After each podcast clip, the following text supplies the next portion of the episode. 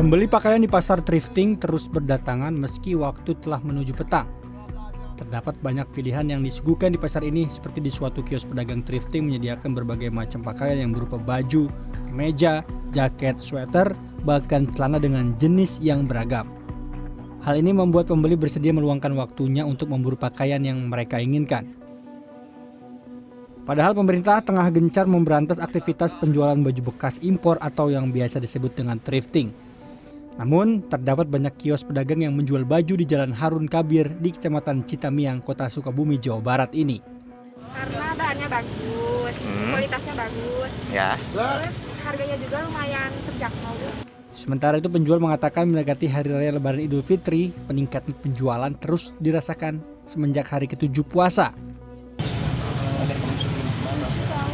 Jadi selama bu- bulan Ramadan sudah mulai ada kenaikan. ada kenaikan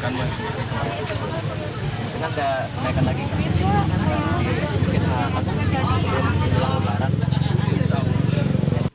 Meskipun pemerintah melalui Kementerian Perdagangan telah melarang impor pakaian bekas, larangan tersebut yang tertulis dalam Peraturan Menteri Perdagangan Nomor 18 Tahun 2021. Nyatanya masih banyak pelaku usaha yang tetap menjual pakaian impor bekas seperti di kota Sukabumi, Jawa Barat ini. Anza Suseno, Sukabumi.